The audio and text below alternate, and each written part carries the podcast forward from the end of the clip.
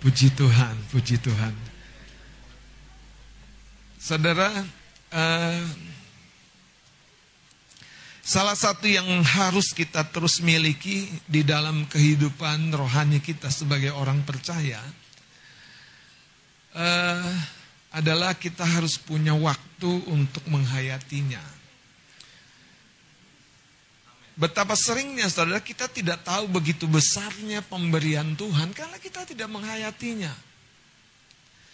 Betapa besarnya pengampunan yang diberikan kita tidak tahu, kita seolah-olah tidak mengalaminya karena kita kurang menghayatinya. Saudara, kalau Anda datang kepada seseorang dan Anda berharap-harap diberi entah emas, entah euro, entah dolar, ya kan? Tapi yang dilakukan oleh orang ini dia menulis selembar kertas. Anda pasti menduga itu cek. Tapi ada banyak yang lebih berharga daripada lembaran cek, saudara. Ya dan dia menandatanganinya tanda bahwa apa yang dia tulis itu sah. Dan di sana ada nama Anda. Dan ada tanda tangan orang yang memberi itu. Mungkin Anda belum lihat nilai keberhargaan kertas tersebut. Sampai Anda memberikan waktu untuk menyimaknya membacanya saya pernah membaca sebuah cerita Charles Spurgeon satu hari, ini penginjil yang terkenal saudara, di tahun kalau tidak salah 1800-an. Dan dia berkunjung ke sebuah rumah eh, perkampungan pemulung, ada seorang ibu tua yang dijumpai, dia masuk ke dalam rumahnya, dan ketika ibu tua itu mempersilahkan duduk, dia melihat-lihat ke kanan kiri tembok daripada rumah ibu tua itu yang begitu tidak layak. Dia terpaku kepada sebuah bingkai dan ketika dia dekati lebih dalam lagi melihat dan betapa terkejutnya saudara apa yang dia baca di dalam piagam atau bingkai yang digantung di tembok daripada rumah ibu tua ini di perkampungan pemulung. Dia datang ibu tua itu dan bertanya, ibu tahu apa yang tertulis di dalam piagam ini? Enggak tahu Tuhan. Ibu tahu siapa yang memberikan piagam ini? Ya saya tahu Tuhan. Dia adalah majikan saya yang sudah saya layani 40 tahun. Tahukah ibu bahwa Ibu orang yang begitu sangat kaya. Nggak tahu Tuhan. Ibu tahu isi bingkai atau figura yang tergantung di tembok rumah ibu ini? Tidak tahu Tuhan. Ini merupakan surat berharga yang menerangkan bahwa ibu adalah pewaris seluruh kekayaan dari majikan ibu yang ibu telah layani dengan setia itu. Dan ternyata saudara, Orang kaya yang menjadi majikan ibu ini tidak memiliki keturunan. Dan dia melimpahkan harta kekayaannya kepada abdi dalamnya atau pembantunya. Dan yang dilimpahkan itu nggak tanggung-tanggung seluruh kekayaannya. Tapi masalahnya sang pewaris tinggal di rumah gubuk. Sang pewaris tinggal dalam sebuah kehidupan yang pahit Sang pewaris tinggal dalam sebuah kehidupan yang hina, tercela. Sang pewaris tinggal dalam sebuah kehidupan yang rasanya tidak layak. Masalahnya sederhana. Ternyata ibu ini tidak bisa membaca. Yang menarik adalah satu hal saja yang tidak dia miliki itu membuat dia tidak bisa membuka kekayaan yang sebetulnya berlimpah-limpah. Bagaimana dengan kita? Kita bisa membaca. Tapi kalau kita hanya membaca tanpa menghayati dengan sebuah hubungan seperti ibu itu yang melain dengan setiap 40 tahun. Tanpa sebuah memori yang kuat bahwa dia sudah mati. Bukan hanya mati, sebelumnya dia sudah menderita. Saudara harus baca dalam dalam konteks yang lebih utuh. Bahwa Yesus bukan hanya mati biasa. Dia mati dengan sangat hina. Dia mati dengan sangat menderita. Dia mati dengan sangat-sangat tidak layak. Bahkan orang yang lewat dari tempat itu digambarkan oleh kitab Yesaya seperti menutup muka, melihat satu tubuh yang tergantung di satu kayu salib yang bukan hanya terpaku di tergantung di sana, tapi hancur dan robek. Itulah tubuh Yesus. Sementara ada tubuh penjahat di sebelah kanannya. Satu orang, satu orang lagi tubuh penjahat di sebelah kirinya tidak hancur seperti tubuh Yesus. Kenapa tubuh Yesus hancur? Karena dia telah menderita semua pukulan cambuk itu. Dan kalau Anda perhatikan, berkali-kali dia jatuh, saudara. Mungkin kalau ada klip potongan video The Passion of Christ Anda bisa lihat itu menggambarkan begitu uh, bagus sekali. Karena penderitaan yang dimaknai itu penderitaan Yesus menanggungnya dalam tubuh manusiawinya yang terbatas itu maksud saya. Dia bukan menanggungnya dengan tubuhnya yang penuh antibodi, penuh dengan kekuatan super, penuh dengan semua yang sepertinya membuat dia tidak merasakan sakitnya. Saudara begini, dari sini harusnya kita tahu bahwa kalau hari ini kita sedang berputar-putar dalam sebuah masalah, jangan-jangan kita kurang menghayati pesan yang Tuhan sudah tulis di dalam firman-Nya dengan baik-baik tentang siapa dia, tentang siapa kita tentang kenapa kita hari ini seperti ini yang seharusnya kita tidak seperti hari ini.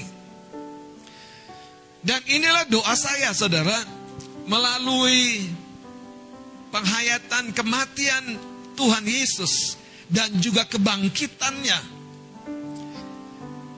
Saudara mendengar sebuah berita Injil. Berita Injil itu bukan janji yang terjadi karena Anda melakukan serangkaian aturan. Janji yang terjadi karena Anda percaya. Bahkan yang menarik, tindakan kita, kita melakukan sesuatu itu karena percaya. Bukan bertindak dulu baru percaya. Makanya seorang wanita 12 tahun sakit pendarahan tiba-tiba sembuh hanya dengan memegang ujung jubah Yesus. Jadi kepercayaan kita kepada apa yang sudah Tuhan sediakan yang tertuang dengan sah dengan materai darahnya yang tiap kali kita peringati dalam perjamuan kudus nanti juga kita peringati itu perjanjian. Jadi apa saudara? Waktu kita masuk dalam perjanjian itu dengan percaya kepada Yesus sebagai Tuhan dan Juru Selamat, Anda dan saya sah ber hak mengalaminya. Dan jangan lupa saudara, itu belum otomatis membuat hidup kita mudah. Karena kita harus berjuang melawan apa? Daging kita. Melawan apa? Roh dunia ini. Melawan apa? Si jahat ini yang selalu berusaha membelokkan jalan kita. Itu sebabnya Yesus selalu berkata, ikutlah aku, pikulah salibmu, dan sangkal diri. Jadi kekristenan yang dimaknai itu harusnya lengkap. Kita hidup dalam kelimpahan kasih karunia. Tapi bukan berarti hidup dalam kedagingan. Hidup dalam sebuah kehidupan yang rohani sekali. Kita mengerti yang namanya menyangkal diri dan mengikut Tuhan. Dan olehnya, saudara saya percaya, setan dan dunia ini makin tidak punya kekuatan untuk menyentuh kehidupan kita. Itu yang terjadi dengan kisah Ayub. Bahkan itu di perjanjian lama sebelum Yesus lahir mati buat Ayub. Sampai setan mau, mau sentuh Ayub, mesti izin dulu. Hari ini saya berdoa kita kita melihat betapa bernilainya saudara kematian, penderitaan dan kebangkitan Tuhan Yesus. Katakan amin. Haleluya.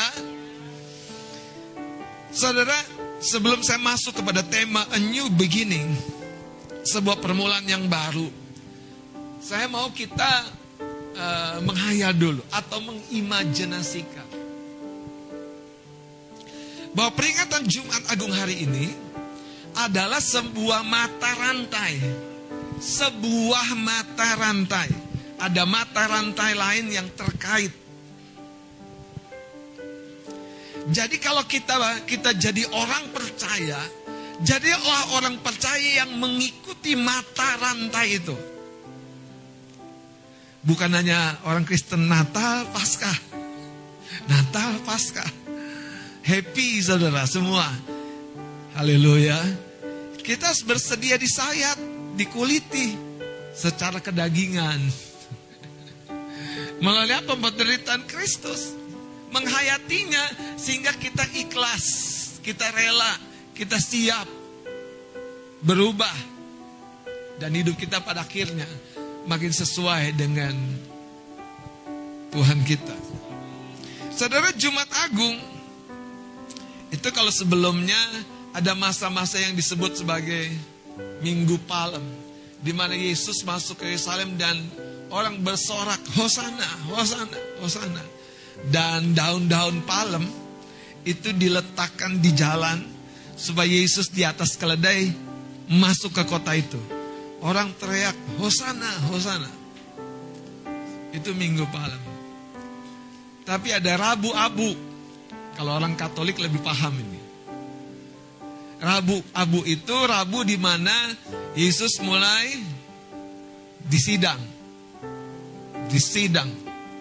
Dan proses itu panjang saudara. Makanya ada Kamis Putih. Dan pada akhirnya inilah hari Jumat di mana dia disalibkan pada jam 9 pagi. Dan dia tergantung dari jam 9 pagi sampai jam 3 sore. Tergantung di kayu salib. Jadi dari malam sebelumnya dia sudah menderita yaitu Kamis malam karena dia adili Rabunya itu dia ditangkap dan segala macam dan Kamis. Jadi itu sebuah mata rantai. Dan ujungnya itu adalah kebangkitan. Jadi bukan penderitaan. Makanya gini saudara, kita tidak bisa menghayati kekuatan kebangkitan Kristus. Kalau kita tidak juga menghayati tadi saudara, kekuatan penderitaannya buat kita. Kekuatan keikhlasannya, kerelaannya saudara. Banyak kita mungkin belum tahu bahwa tubuh kita ini luar biasa diciptakan Tuhan. Tapi kalau jiwa di dalam diri kita lemah, mudah sekali tubuh kita itu rentan. Ada seorang membuat sebuah penyelidikan, seseorang disuruh diri di atas balok es batu, berdiri saja di atas balok es batu. Siapa yang pernah coba? Jangan coba di rumah Anda. tanpa tanpa pengawas yang profesional. Dan Dihitung sekian detik berapa ta berapa lama dia tahan? Enggak lama. Dia lantas merasa begitu dingin dan dia menyerah.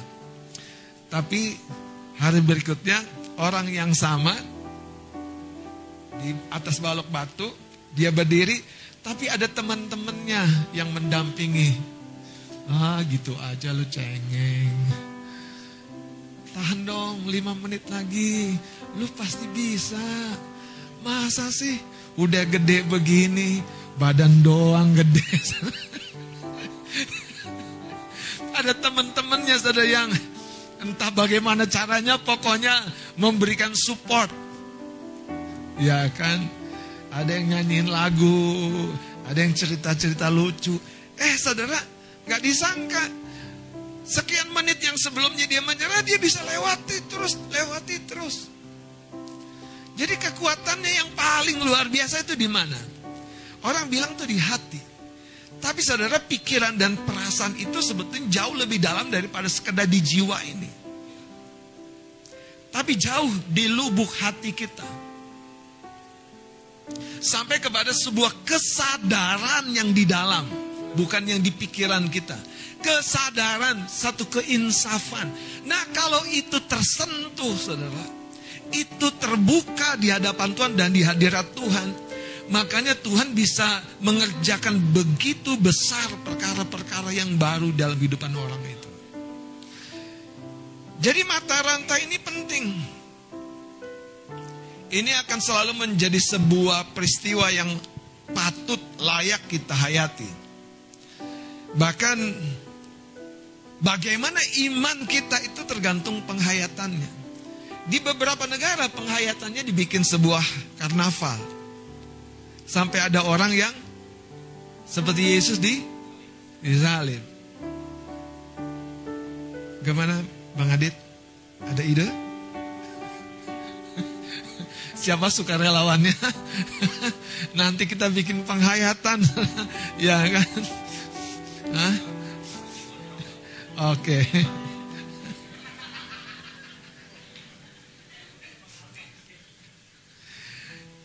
Dan begitu rupa, saudara, begitu rupa, begitu rupa. Supaya ada pengen. Sayangnya itu hanya di, di level di jiwa. Karena hati mereka sedang nggak memahami kebenaran.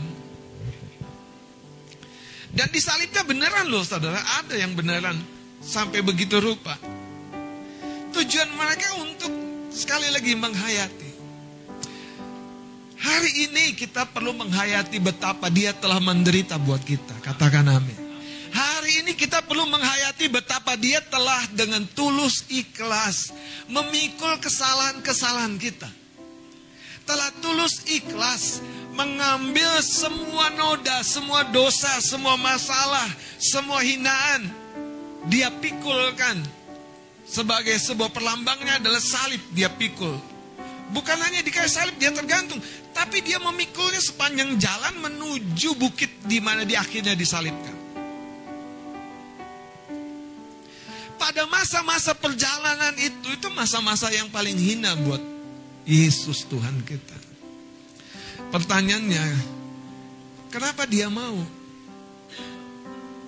Saudara, permulaan yang baru tidak pernah akan terjadi dalam hidup kita sebelum kita menghayati siapa kita sebetulnya sebelum melangkah ke pintu yang sedang kita tuju ini. Kita manusia berdosa, manusia cacat, manusia terkutuk.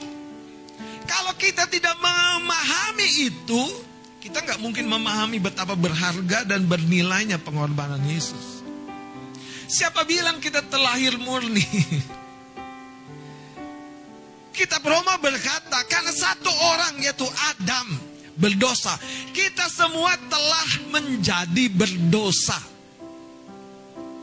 Makna berdosa itu bukan berbuat dalam konteks ini. Kita berdosa, bercacat, bernoda. Itu sebabnya semua kita butuh Yesus. Bahkan dari sejak di dalam kandungan kita. Kenapa? Karena satu pribadi yang namanya Adam. Karena dari sanalah saudara benih manusia itu terkandung. Tapi puji Tuhan, Yesus sudah menjadi Adam yang berikutnya kata kita Roma nanti kita baca dia telah menjadi saudara kebenaran buat kita semua sehingga karena satu orang dibenarkan di hadapan Tuhan, di hadapan Bapa. Nah, kita yang di dalam Dia kata pujian tadi, kita yang di dalam Dia kata lagu tadi, kita dibenarkan bukan karena berbuat kebenaran. Nah, konteksnya ini adalah kita dibenarkan supaya kita mengalami janji Tuhan. Baru setelah itu kita hidup benar. Tanpa janji Tuhan bagaimana kita bisa hidup benar? Hari ini sudahkah kita menghayati betapa kita berdosa? Betapa kita orang yang gagal. Semakin parah Anda menghayati kegagalan Anda itu semakin baik loh. Coba tepuk bawah kanan kiri. Udah udah sadar belum? Udah sadar belum?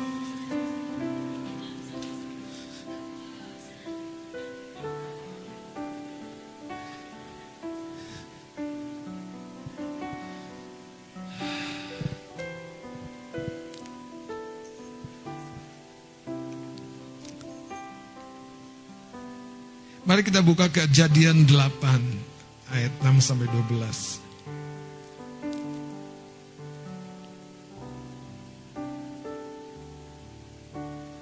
Kejadian 8 ayat 6 sampai ayat yang ke-12 ada sebuah cerita tentang Nuh dengan bahtera yang dibuatnya. Sesudah lewat 40 hari, maka Nuh membuka tingkap yang dibuatnya pada bahtera itu. Kejadian 8 ayat 6. Jadi sesudah lewat 40 hari, maka Nuh membuka tingkap yang dibuatnya pada bahtera itu. Lalu ia melepaskan seekor burung gagak. Burung itu terbang pulang pergi sampai air itu menjadi kering dari atas bumi. Kemudian delapan dilepaskannya seekor burung merpati untuk melihat apakah air itu telah berkurang dari muka bumi. Menarik ya. Dalam masa di mana air masih hujan masih yang dilepaskan burung gagak. Tapi sekian waktu kemudian dilepaskan burung merpati. Tujuannya lihat ayat 8 untuk melihat apakah air itu telah berkurang dari muka bumi. Jadi bukan masalah hujan lagi, tetapi burung merpati itu tidak mendapat tempat tumpuan kakinya dan pulanglah ia kembali mendapatkan Nuh ke dalam bahtera itu karena di seluruh bumi masih ada air. Lalu Nuh mengulurkan tangannya ditangkapnya burung itu dan dibawanya masuk ke dalam bahtera. Ia menunggu tujuh hari lagi, kemudian dilepaskannya pula burung merpati itu dari bahtera.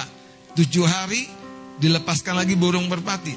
Menjelang waktu senja pulanglah burung merpati itu mendapatkan Nuh pada paruhnya. Dibawanya sehelai apa? Daun, daun zaitun yang segar jadi masih fresh, masih muda, baru baru keluar daun zaitun itu. Dari situlah diketahui Nuh bahwa air itu telah berkurang dari atas bumi. Selanjutnya ditunggunya pula tujuh hari lagi, kemudian dilepaskannya burung merpati itu, tetapi burung itu tidak kembali lagi kepadanya. Apa yang Alkitab sampaikan dalam cerita ini? Saudara air bah menggambarkan penghukuman Tuhan atas dosa. Bukan yang lain. Karena manusia dilihat Tuhan sudah begitu rusak. Sudah hancur. Dan Tuhan begitu pilu dan sedih. Tapi Nuh mendapat kasih karunia di hadapan Tuhan. Tuhan melepaskan semua mata air dan hujan 40 hari. Habis manusia. Sementara Nuh ada di dalam bahtera itu. Yang menarik 40 hari kemudian Nuh membuka jendela daripada bahtera itu dan melepaskan burung gagak. Pulang pergi. Tujuh hari lagi dilepaskan burung merpati. Pulang lagi. Tujuh hari berikutnya burung merpati itu tidak balik setelah dia sebelumnya membawa daun, daun zaitun segar. Saudara, Tuhan tidak selama-lamanya dia murka terhadap dosa karena dia panjang sabar. Sekali saja murka habis kita. Karena itu dalam cerita ini saudara, Nuh itu sebagai gambaran engkau dan saya yang beroleh kasih karunia. Sehingga engkau dan saya dipisahkan dari kehancuran. Dan dalam cerita ini ada sebuah babak baru untuk kehidupan di muka bumi. Tapi itu dimulai dari satu keluarga, keluarga Nuh. Yang luar biasa dari cerita ini saudara, kalau Anda baca dengan lengkap cerita tentang Nuh, pada kehidupan Nuh Tuhan memulai dengan sebuah perjanjian yang baru. Saya mau ajak kita baca dengan cepat. Ayat 21. Kejadian 8. Ketika Tuhan mencium persembahan yang harum itu, berfirmanlah Tuhan dalam hatinya, aku tak akan mengutuk bumi ini lagi, karena manusia sekalipun ditimbul, yang ditimbulkan hatinya adalah jahat dari sejak kecilnya. Dan aku tak akan membinasakan lagi segala yang hidup seperti yang telah kulakukan. Selama bumi masih ada takkan berhenti-henti musim menabur dan menuai dingin dan panas, kemarau dan hujan siang dan malam. Nah pasal sembilannya sedikit lagi.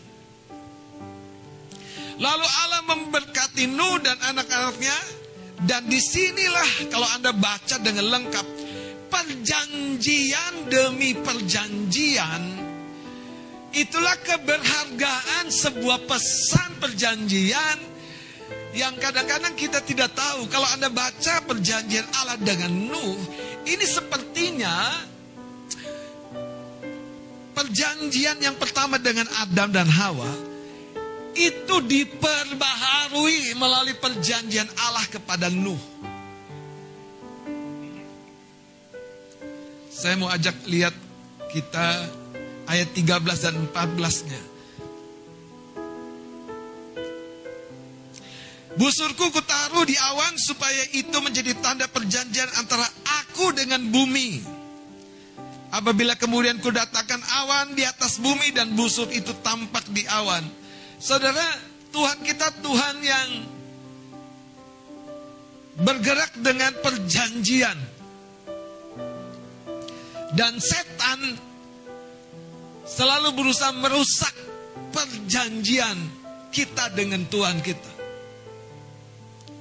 Bayangkan saudara, kalau setan berusaha dengan segala tipu muslihatnya merusak perjanjian itu, itu yang membuat Kenapa hidup kita terasa begitu berat? Itu yang membuat kenapa hidup kita terasa begitu susah. Karena sebetulnya saudara, kita tidak lagi di dalam sepenuhnya perjanjian yang Allah telah rancang.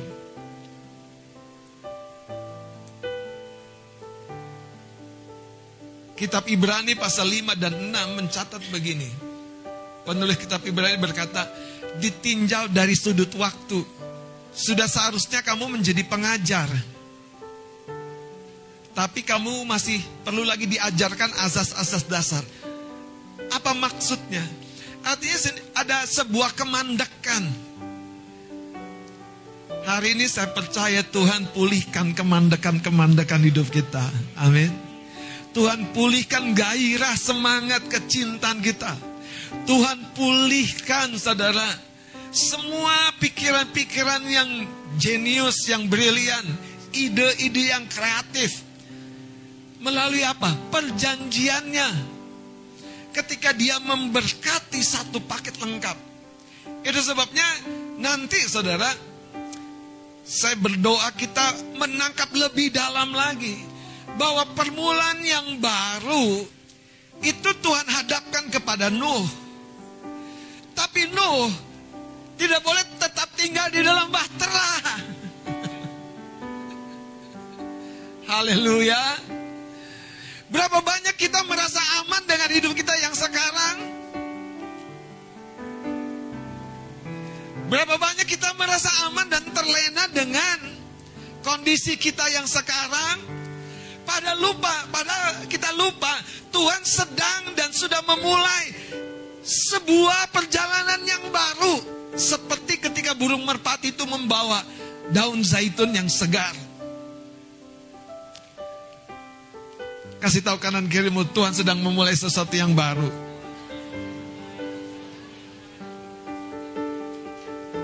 Bahkan di Yeremia pasal 18 Anda harus tahu. Di Yeremia 18 itu satu kali Tuhan berpesan kepada nabinya, Yeremia, pergilah segera ke rumah tukang tanah liat.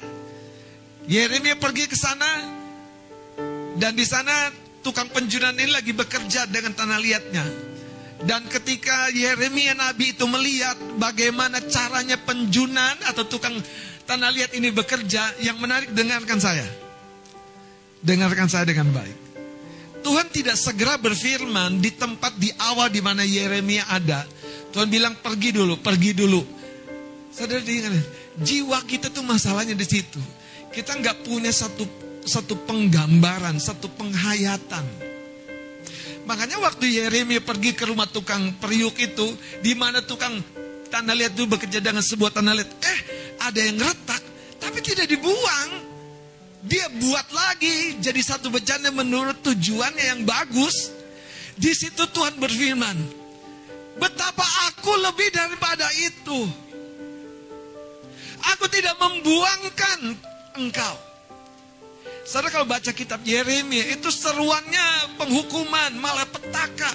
Kenapa? Karena Israel telah berdosa. Tapi Tuhan berkata, aku lebih daripada penjunan tanah liatnya.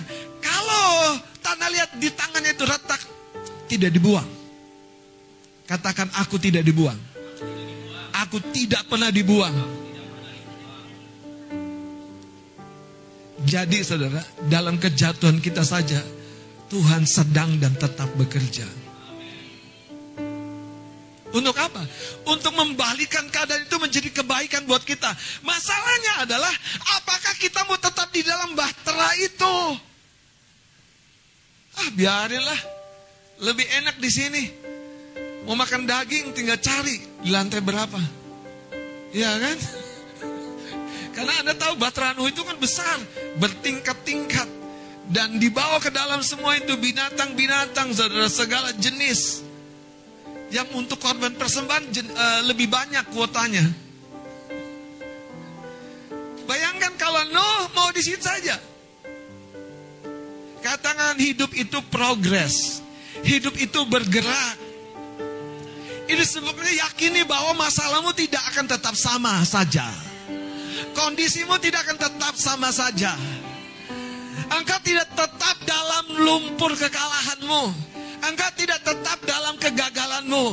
Engkau tidak tetap dalam statusmu yang sepertinya tidak ada jalan keluar atau exit untuk menuju apa yang Tuhan rencanakan yang orang lain sudah dapat. Aku kok belum. Percayai ketika perjanjian itu menjadi begitu nyata di jiwamu. Engkau bisa memasukinya kapan saja dan mengalaminya kapan saja.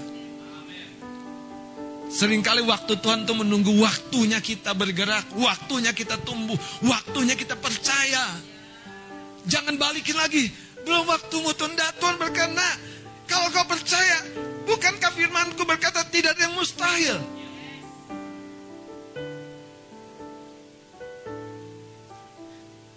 Apakah kita mau tetap tinggal dalam bahtera? Dan mengabaikan burung merpati yang kembali membawa daun zaitun yang muda. 40 hari hidup di dalam penghukuman, di bawah penghukuman, tetapi tetap dijagai.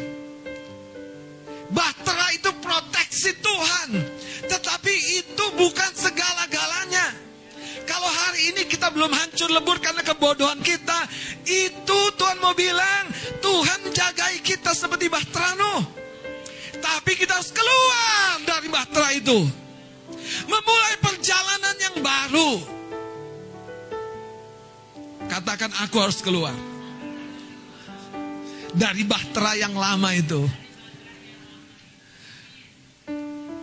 Anda harus ngerti bahtera itu bukan segala-galanya. Itulah gambar kasih karunia di tengah penghukuman. Tetapi kita harus bergerak terus untuk mengalami sepenuhnya apa yang Tuhan rencanakan. Katakan haleluya. Tuhan mau memberkati kita saudara. Itu sebabnya dia tidak membiarkan kita seperti bejana tanah liat yang retak. Dan kita sendiri yang merasa tidak berguna. Kita seperti bejana tanah liat yang rusak dan kita sendiri yang berkata, aku mah tidak mungkin diberkati. Aku mah nggak mungkin punya begini, punya begitu kata-katamu akan menjadi apa? Siapa engkau? Kata-kata itu makanya kita hari dari hari yang kemarin kita terus belajar berdoa dengan mendeklarasikan, mendeklar, memperkatakan. Kita promo berkata, kalau mulutmu berkata dan hatimu percaya terjadi. Dan bersyukur saudara. Kalau kita doanya di gereja, segereja. Artinya apa? Kita punya orang-orang lain saudara yang statusnya kurang lebih sama lah. Dalam bergumul-bergumul juga. Tapi ketika kita lihat semangat dia, haleluya, kita bangkit dong. Amin. Kita percaya kita bisa dong. Kita percaya kita juga punya kesempatan dong. Kita percaya kita juga akan melangkah lebih baik dong. Haleluya. Amin. Saudara, satu kali ada seseorang datang kepada saya cerita dan mau beli rumah. Lihat-lihat dan lihat-lihat. Terus muncul di hati saya cerita tentang orang lain yang juga sudah beli rumah. Ceritanya adalah begini. Orang ini beli rumah sekian tahun dia jual lagi rumah itu dan dia beli lagi rumah yang lain. Saya nggak tahu nanti dijual lagi, siapa tahu. dan beli lagi rumah yang lain. Katakan kenapa tidak? Banyak orang tuh seperti saya. Saya punya motor, saudara, Honda Grand Astra itu udah babak belur, hancur-hancuran di, di, di, di las tengahnya, di las tangnya, di las dudukannya, dan gak mau dilepas. Punya kenangan. Dulu saya pikir itu bagus, itu luar biasa. Sekarang saya pikir saya bodoh.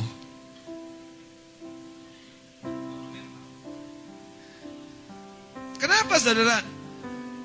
Kalau benda-benda makin tua tuh butuh perawatan lebih banyak. Saudara. Manusia juga ya, berarti ya. Makin usia kita butuh perawatan lebih serius. Haleluya. Tidur lebih cukup ya kan. Makan apa? Secukupnya, jangan lebih cukup.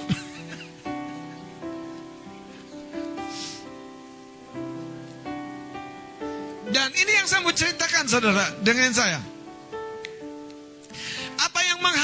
Kita ternyata tidak jauh-jauh yaitu rumah bahtera kita yang lama. Kita tidak menginginkan sesuatu yang lebih beresiko yaitu keluar dari bahtera. Memulai perjalanan baru, memulai hubungan baru, memulai bisnis baru, memulai cerita baru, memulai sebuah pelayanan baru, melangkah lebih tinggi dalam doa puasamu.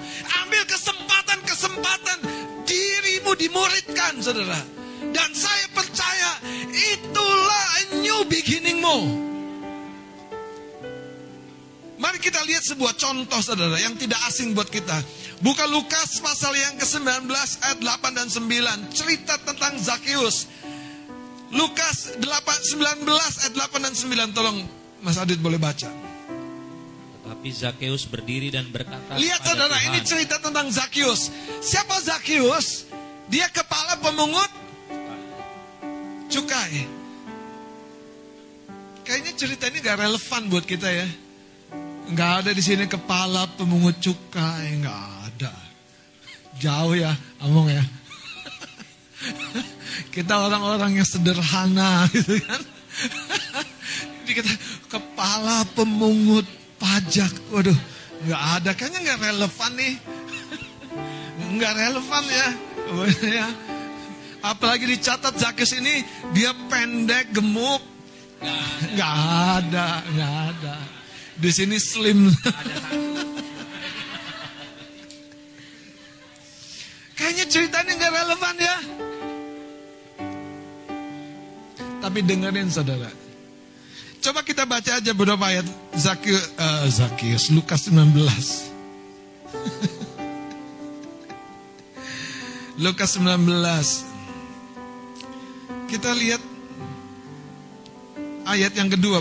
Mas Adi boleh cepat dengan Di baca. situ ada seorang bernama Zakeus, kepala pemungut cukai, dan ia seorang yang kaya. Waduh, jauhlah itu daripadaku. Eh, kayaknya dekat lah, dekat lah. Terus, Ia berusaha untuk melihat orang apakah Yesus itu. aneh kan tulisan Alkitab, ia berusaha melihat Orang apakah Yesus itu. orang hitam kah, orang putih kah, orang apa ya. Makanya catatan Alkitab tuh unik. Terus, Tetapi ia tidak berhasil karena orang banyak, sebab badannya pendek. waduh. Terus, Maka berdirilah ia mendahului orang banyak. Berlari, berlari. Eh, Berdiri. Ya. karena pendek banget. Makanya terlalu terlalu menghayati ya. Eh, bayangnya, bayangannya kalau Zakis Maka pendek berdiri dan berlarilah dia. Oke oke. Oh, iya. Lagi puasa kurang cairan. Lanjut lanjut. Lalu memanjat pohon ara. Coba lihat saudara. Nanti ujungnya Anda harus tahu kenapa Zakis melakukan hal-hal yang tidak biasa. Banyak orang tuh pokoknya ya udahlah, udahlah, udahlah, udahlah. It's my life gitu. Terus mau ke mana? Mau ke mana? Gimana ya? Sorry nih. Kalau Anda lihat Zakius, Zakius itu seorang yang terus terang. Seorang yang ketika Yesus di rumahnya nanti kita baca, Yesus nggak ngomong apa-apa. Eh orang-orang Farisi itu dengan dengan sikap-sikap dengan sikap-sikap sucinya. Yesus duduk makan di rumah Mas Adit. Ya Tuhan. Yesus mampir di rumah Anugerah. Mama Anugerah langsung melotot. Saudara, bayangkan ketika itu Yesus duduk makan, enak banget lagi saudara makannya, nyantai gitu. Menikmati maksud saya. Di rumah seorang yang berdosa. Anda pikir siapa Yesus? Makanya hari ini saudara, kalau Tuhan, kalau kita tuh di- dicekokin, Tuhan pasti jauh daripada Siapa bilang, justru Tuhan mau mendekat. Baca ceritanya lebih jauh lagi. Lalu memanjat pohon ara untuk melihat Yesus yang akan lewat di situ. Ya, ini ahli prediksi saudara. Makanya wah, panjat pohon, ini pasti lewat sini nih. Dia tungguin. Tetapi lihat, Ketika Yesus sampai ke tempat itu, ia melihat ke atas dan berkata, sayangnya Yesus enggak lewatin Zakius. Sampai di tempat itu dia memanggil Zakius.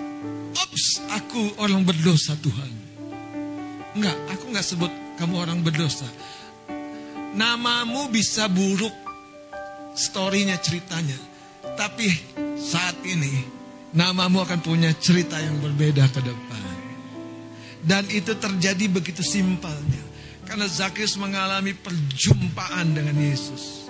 Bukan sekedar ibadah, bukan sekedar ke ruang doa, tapi mengalami perjumpaan sama Yesus.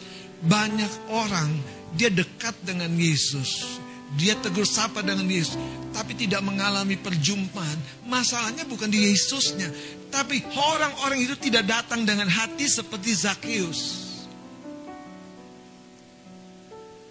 Bicara tentang perjumpaan ilahi inilah yang mengubah. Bukan sekedar ketemu Yesus hari Minggu. Tapi kalau Anda tidak datang dengan ketulusan dan berkata Tuhan aku orang berdosa. Tolong aku bangkit Tuhan. Jagain aku. Itu yang membuat perjumpaan ilahi itu mengubahkan manusia. Itu yang membuat orang mengalami anugerah Tuhan ketika dia keluar dari rumah bahteranya. Tuhan tolong nih aku bisnis gagal terus. Tapi aku tahu di dalam darahku kenapa ya. Aku selalu pengen bisnis. Ternyata di waktu-waktu yang lalu kita merasa mampu. Kita merasa bisa. Kita merasa kuat. Tidak heran banyak orang dalam hubungan pun seperti ini. Cerita terakhir tentang lima roti dan dua ikan itu berkesan sekali buat saya, bukan buat Anda mungkin. Kenapa kesannya? Saya ceritakan sedikit. Waktu saya renungkan kenapa lima roti dan dua ikan itu bisa jadi berkat buat lima ribu orang lebih. Bukan hanya dibawa kepada Yesus. Tapi dibawa kepada Yesus dan ditangani Yesus. Itu beda saudara. Banyak orang bawa kepada Yesus tapi tangani sendiri. Bawa kepada Yesus tapi tangani sendiri. Bawa kepada Yesus masalahmu tapi sampai rumah tangani sendiri. Bawa sama Yesus pergumulanmu tapi apa? Cari andalan lain, cari cara lain, cari-cari. Yesusmu cuma dibuat tidur, terlelap seperti cerita bersama-sama dengan murid-muridnya menyeberang danau. Ini beda waktu saya renung Tuhan. Ini memukul saya, saudara. Apa maknanya? Sekecil apa pun yang kau punya, sama sekali tidak kecil ditangani Yesus. Sekali lagi katakan ditangani. Makanya apa? Bukannya diberkati Yesus, ambil lagi. Dikasih Yesus, ditangani Tuhan. Apa makna ditangani? Dengerin saya. Waktu dibagi, dibagi. Masih kurang. Datang lagi sama Tuhan. Itu ditangani Yesus. Jangan permulaan serahkan, serahkan. Tapi kemudian hidupmu dengan jalanmu sendiri. Tidak heran. Kita nggak akan keluar dari rumah bahtera itu. Kita selalu punya kenangan lama dengan semua hukuman dosa di belakang. Kita tenggelam dengan semua aura di sekeliling kita. Pada Tuhan sudah memberi pesan. Ada daun zaitun yang segar. Saudara, kenapa burung merpati? Burung merpati melambangkan kecerdikan dan ketulusan. Tapi yang menarik, ketulusan inilah yang membuat apa yang dimaknai saudara oleh Nuh? Anda pernah ketemu nggak dengan orang yang curiga dengan perkataan Anda? ah bukan begitu maksudnya. Bisa saya ngomong sama Katian, Katian, kamu pasti besok ketemu jodohmu. Hah?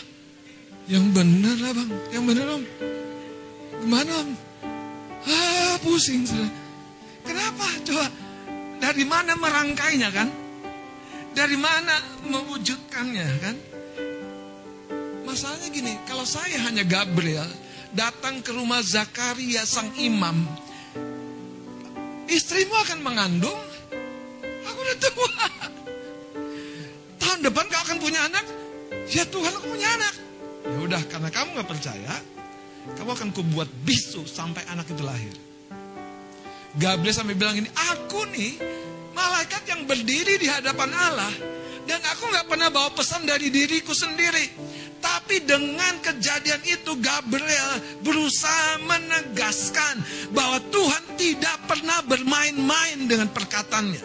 Masalahnya sebegitu dekatnya Zakaria sang imam dengan bait Allah, dengan dengan mesbah, tapi tidak pernah punya iman dengan atau tentang pergumulannya sendiri. Saya mau tanya, apakah Anda punya iman tentang pergumulanmu? Yang lain sih punya iman. Gak heran, kau gak pernah keluar dari pergumulanmu. Harus bangun imanmu tentang pergumulan itu. Ada Yesus yang sudah menderita. Ada Yesus yang sudah dikasih salib. Dan itu sebuah permulaan yang baru bagi hidupmu untuk melangkah keluar. Dari rumah bahtera itu saudara. Katakan 40 hari sudah cukup. Mau berapa lama lagi? Mau berapa lama lagi kita hidup dengan cara kita terkungkung di rumah batra itu? Tuhan kita punya mata rantai yang sedang disatukan, saudara. Makanya jangan tolak orang-orang yang Tuhan dekatkan. Tuhan satukan untuk menjadi partner perjalananmu, hidupmu. Masalah kita nggak ketemu dengan orang yang tepat adalah kita sering mengabaikan orang. Hubungan. Kita nggak sepele.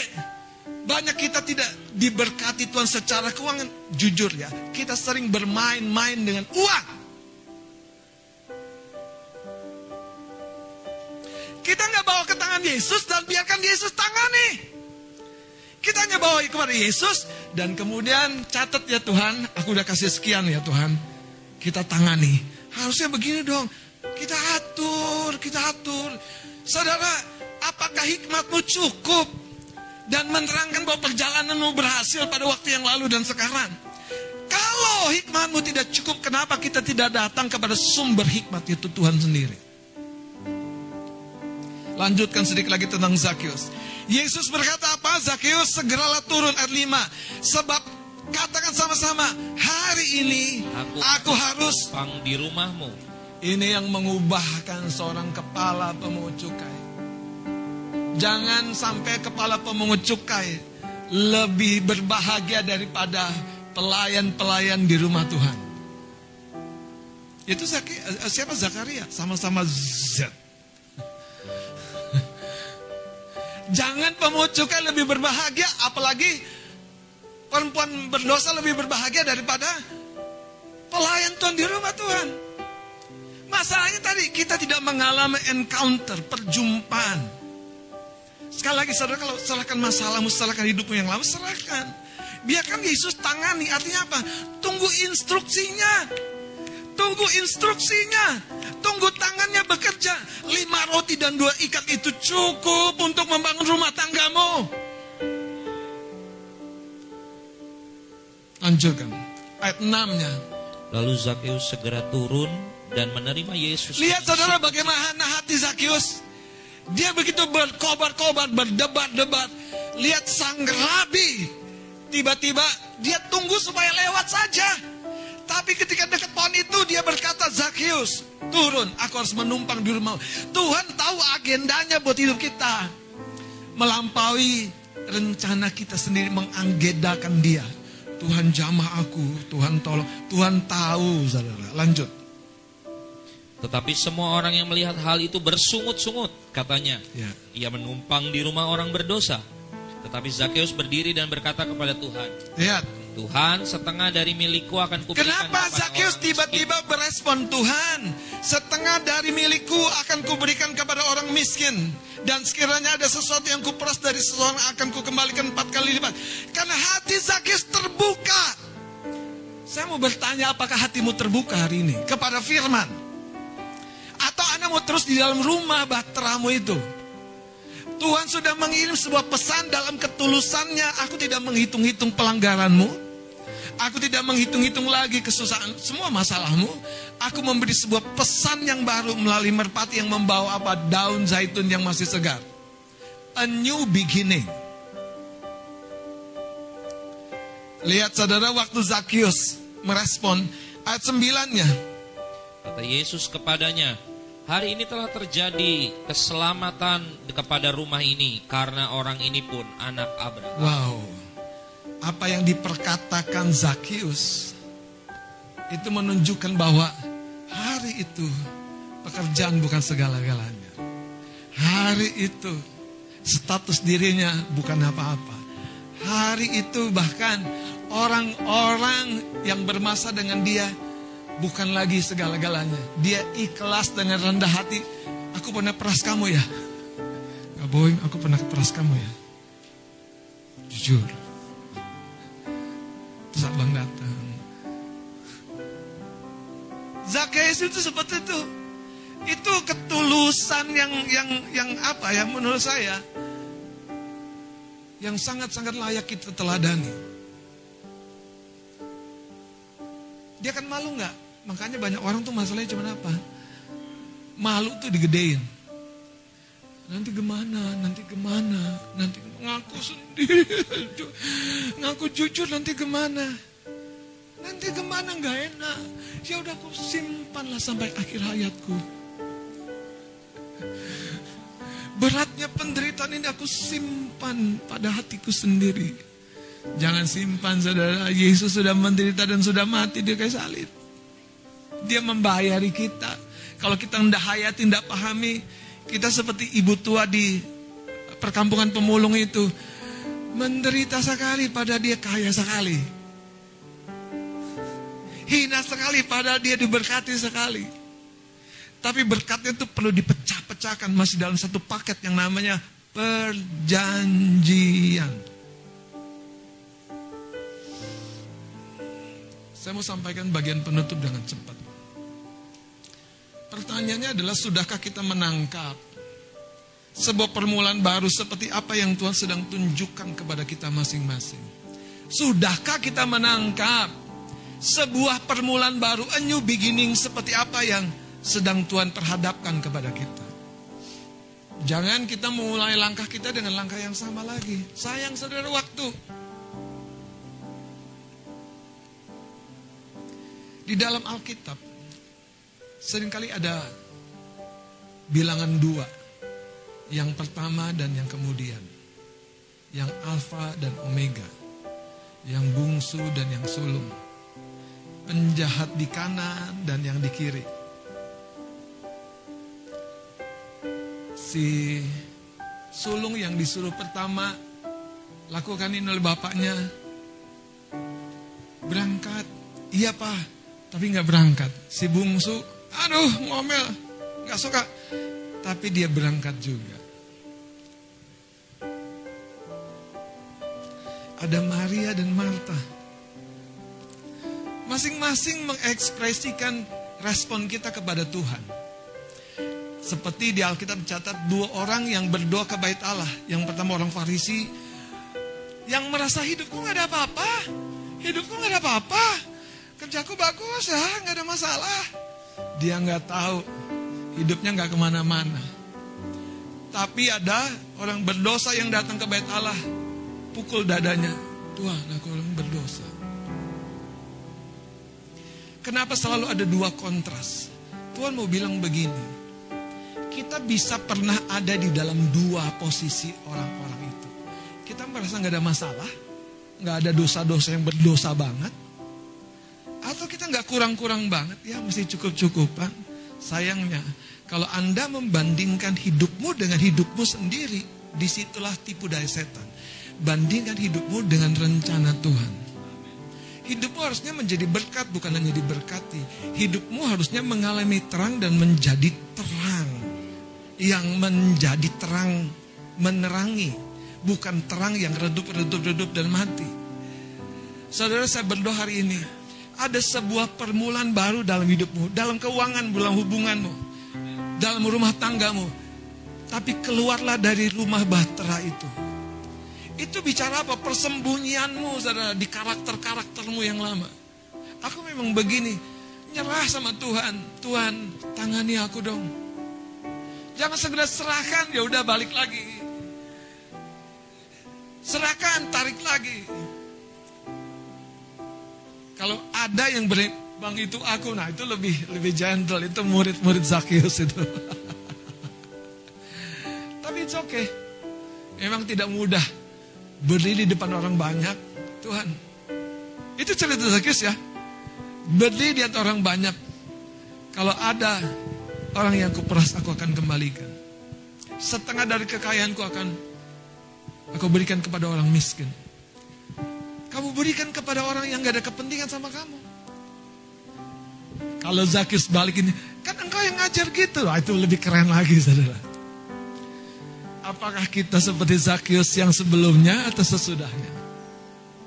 Saya berdoa, siapa pun kita, dengan saya. Hidup kita sehebat apa pun, semapan, senyaman apa pun, dengerin sekali lagi. Jangan bandingkan dengan orang lain. Jangan bandingkan dengan dirimu sendiri. Tapi bandingkan dengan rencana Tuhan. Sehingga engkau akan takjub. Rencana Tuhan tuh tidak pernah, tidak pernah ditanda tanganin dengan tulisan cancel dia materaikan dengan darahnya kok sah. Tapi menunggu kita menjangkau. Kita ambil perjanjiannya dan berkata, Tuhan aku mau hidup dalam perjanjianmu. Dan di detik yang sama itu, kasih karunia, mungkin di sesi dua nanti kita jabarkan, akan bekerja dalam hidup kita. Mari kita bangkit berdiri.